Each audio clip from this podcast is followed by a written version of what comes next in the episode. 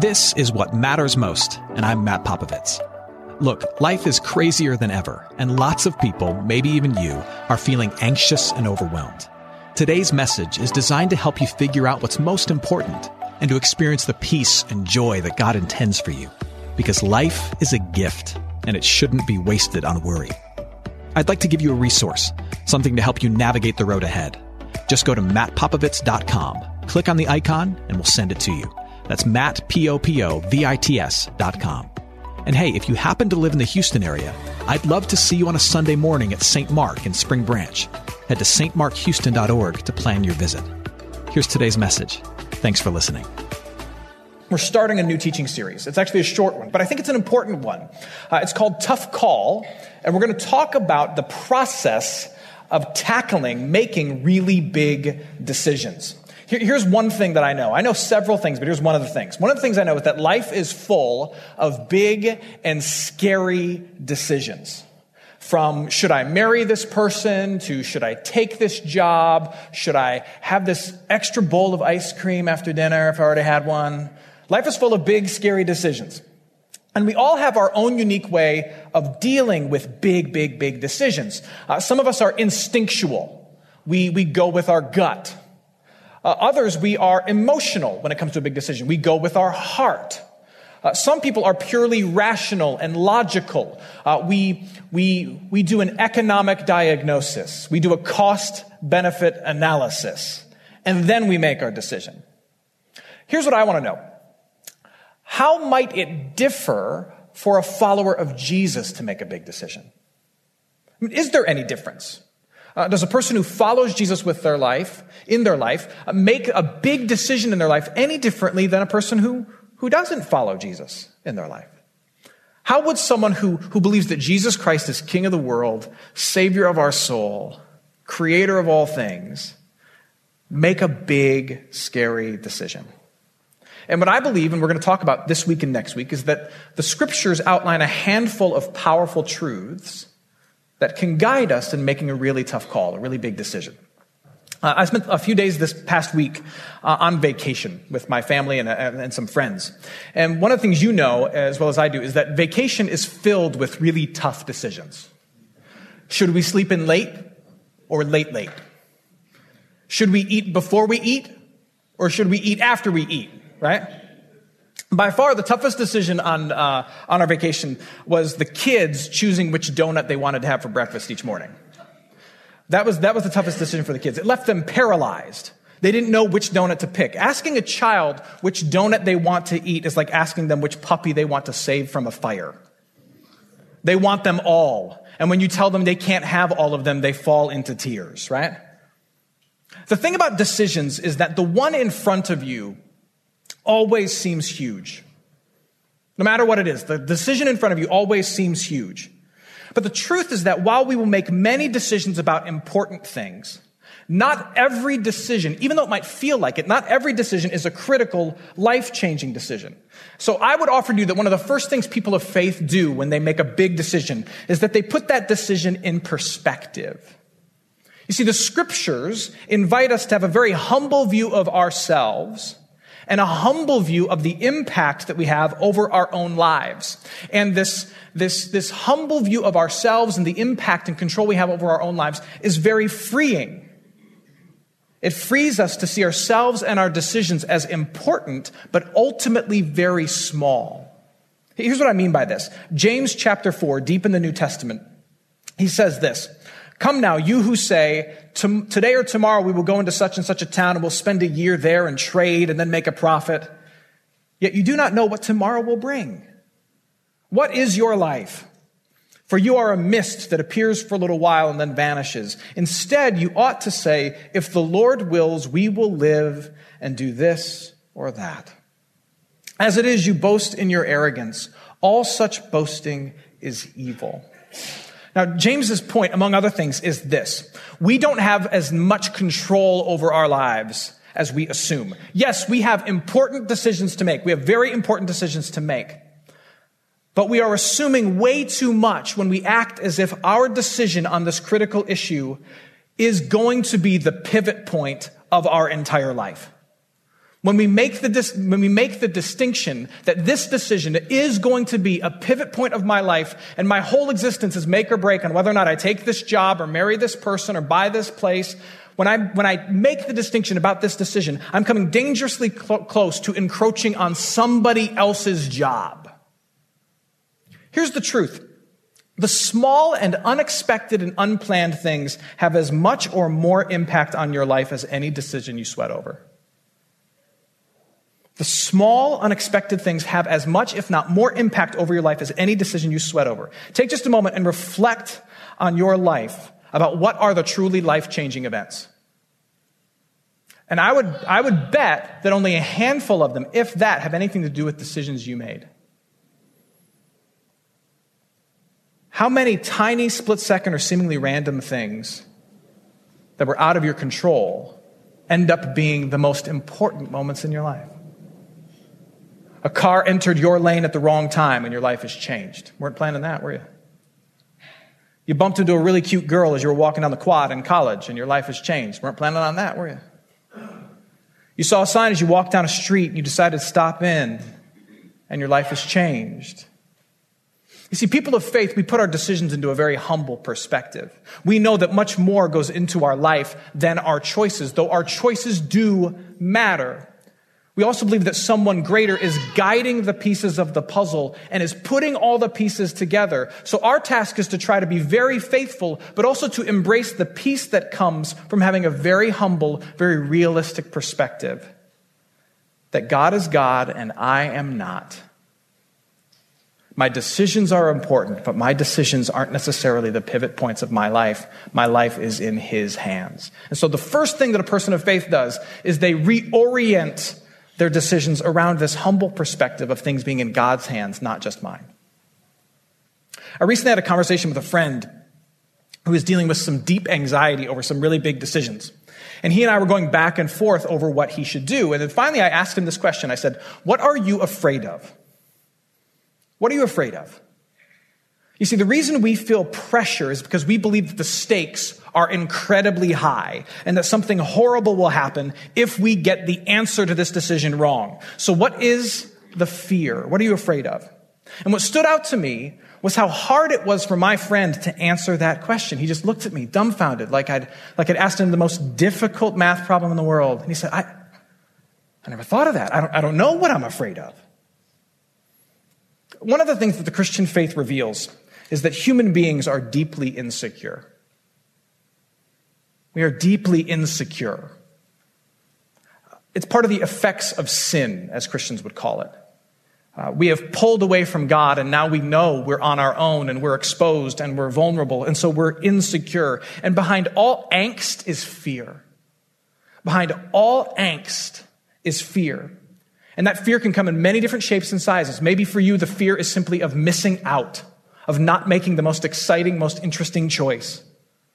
Or it's simply the fear of making the wrong choice, or fear of being rejected, or fear of being found unworthy, or fear of everybody at your job or in your life finding out that you're just faking it.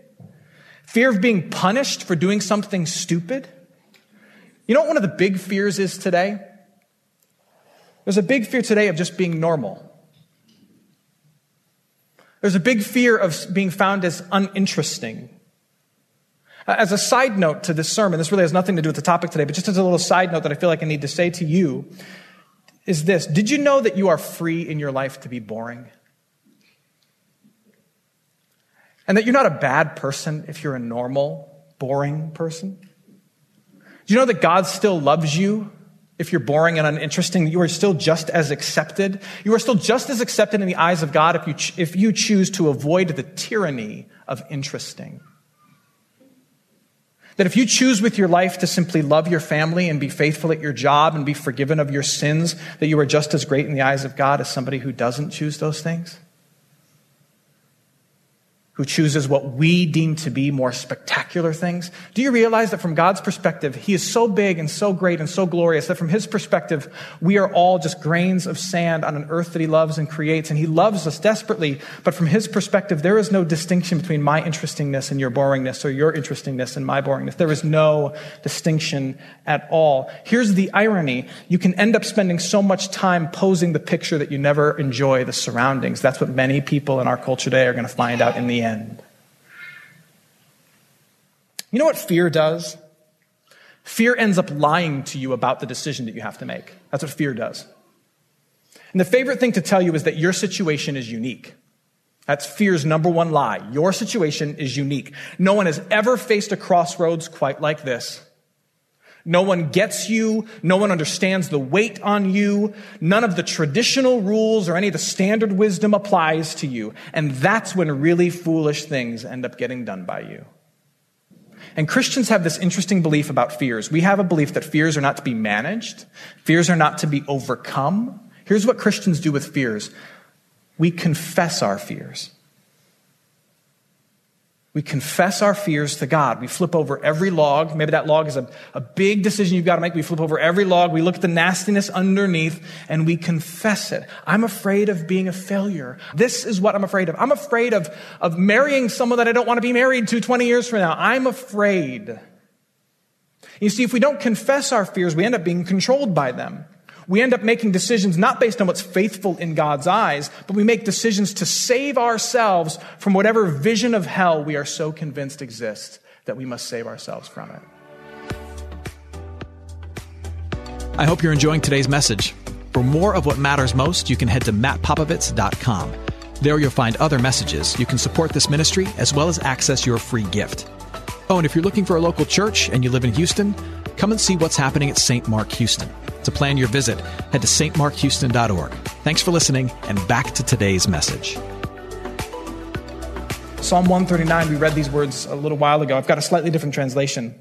Psalm 139, verse 23 to 24 says, Search me, O God, and know my heart. Try me and know my thoughts, and see if there is any grievous way in me, and lead me in the way everlasting. Did you know that it's possible for you to have researched all the options, investigated and Googled every angle without ever looking under the hood of your heart, without knowing where all the angst comes from? The writer of the psalm gives us perfect words for a person of faith. It says, God, search me, know me, lead me through life along a better path than fear. For some of us, that's a really frightening question to ask. Where does the angst over this big decision come from? What is the thing you're afraid of? We don't want to know what we're afraid of. We don't want to know what's really driving us. But I would offer to you this. Here's an even more frightening idea. Getting to the end of your life and realizing that you made big decisions based on unfounded fears and unimportant issues. So, why do we do this? Why, as a Christian, if we have a big decision, would we first put our decision in perspective and say, okay, I'm, I'm relatively small, God is much bigger, that should give me peace? And, and why do we try to look underneath the angst of our decision and see what our fear is? Why do we try to do that? Why do we dive in our hearts before we dive into the decision itself. Why do we do that? Here's why. One, confessing your fear will help you have a better mindset as you take on that decision, sure. But also, confessing your fear and digging deep, putting your decision in perspective and unearthing where the angst comes from, it gives you an opportunity to encounter the love of God once again. That's why. You see, God tells us relentlessly that He loves you despite all the fears underneath, all the freakiness that lives in your soul beneath the surface. He loves you despite all of those things. Sure, there are awful things about you and awful things about me that must be repented of, turned from and toward Christ, for sure. But his message to you is that through his son Jesus Christ, he has forged for you and won for you acceptance in his family and forgiveness for every sin before you make this big decision. Jesus forged forgiveness for you and membership in God's family, knowing full well who you are right now. And he did not win forgiveness for you based on the outcome of your decisions. We confess our fears and we discover over and over and over that our fears are answered and quieted in Jesus Christ. That we have divine acceptance in the midst of our grand indecision. And that divine acceptance takes the pressure off of our decision making process, takes the pressure off of that decision to be our Savior, and allows Jesus to be our Savior and our decision to just be our decision. And here's a secret divine acceptance, knowing that you are loved and accepted by God before you make this choice, has been the fuel behind some of the most beautiful choices and decisions ever made. Uh, this week, um, the world recognized the anniversary of the death of a man named Dietrich Bonhoeffer. He was a Lutheran pastor in Nazi Germany who worked against the Nazi regime. And he made, along with many other people, he made decision after decision that cost him significantly, but blessed other people tremendously. And what people have asked is, how do you make those decisions that cost you something significantly, but bless other people? And you get a clue from Bonhoeffer's final sermon that he ever preached. The title of his final sermon he ever preached was this, By his stripes we are healed. That comes from a very famous verse in the Bible, but the big idea is this. Because of the death and resurrection of Christ, our greatest needs are met, our greatest hurts are healed. We have everything we need. We are whole because we are one with the Father through the work of the Son. We are whole, and everything else is just icing on a grace cake. We are whole. That sermon was preached in his prison cell to his fellow prisoners at the jail in Flossenburg, Germany. And as he finished that sermon, there was a knock on the door, and he was hanged moments later. Knowing that you are divinely, undeservedly accepted enables you to make beautiful decisions, not just personally beneficial ones, because you have peace. 1 John 4:18 says this, there is no fear in love, but perfect love casts out fear for fear has to do with punishment, and whoever fears has not been perfected in love. John's words are great. He says, knowing that you are loved by God expels fear. Knowing that you are loved by God expels fear. If you are loved by God, then every fear that is driving you and paralyzing you is ultimately illegitimate. Because God, who loves you, is at the top of the approval food chain that we're all desperate to be noticed by. And He's the one handing out eternal significance that we're all hoping to have. And He is the one calling you beloved because of Christ. And this is why we confess in the face of a big decision. This is why we hand to Him our greatest fears. We confess so that we can hear, I love you anyway through the work of Christ, and that might expel and extinguish the power of our fears so that we might make that decision with clear eyes and a full heart. We put it in perspective and we confess our fears.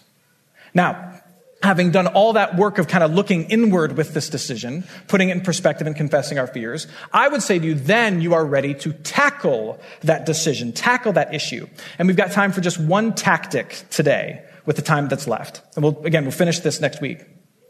And this first step, I would say, in making your big decision might surprise you. You might expect me, since I'm a pastor, that I would say to you, your first step is to pray about it. But that's not what I would say. Prove you wrong. I mean, you should pray about it. You should pray about it a lot. But that's not the first step I'm going to give you. Listen to these two proverbs. Proverbs 15 and Proverbs 18 says this. Without counsel, plans fail, but with many advisors, they succeed.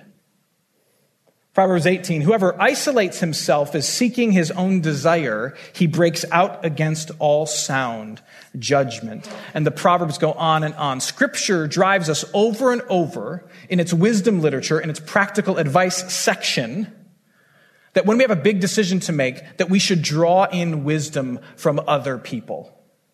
Over and over it tells us this. Here's why. God promises to speak through his people.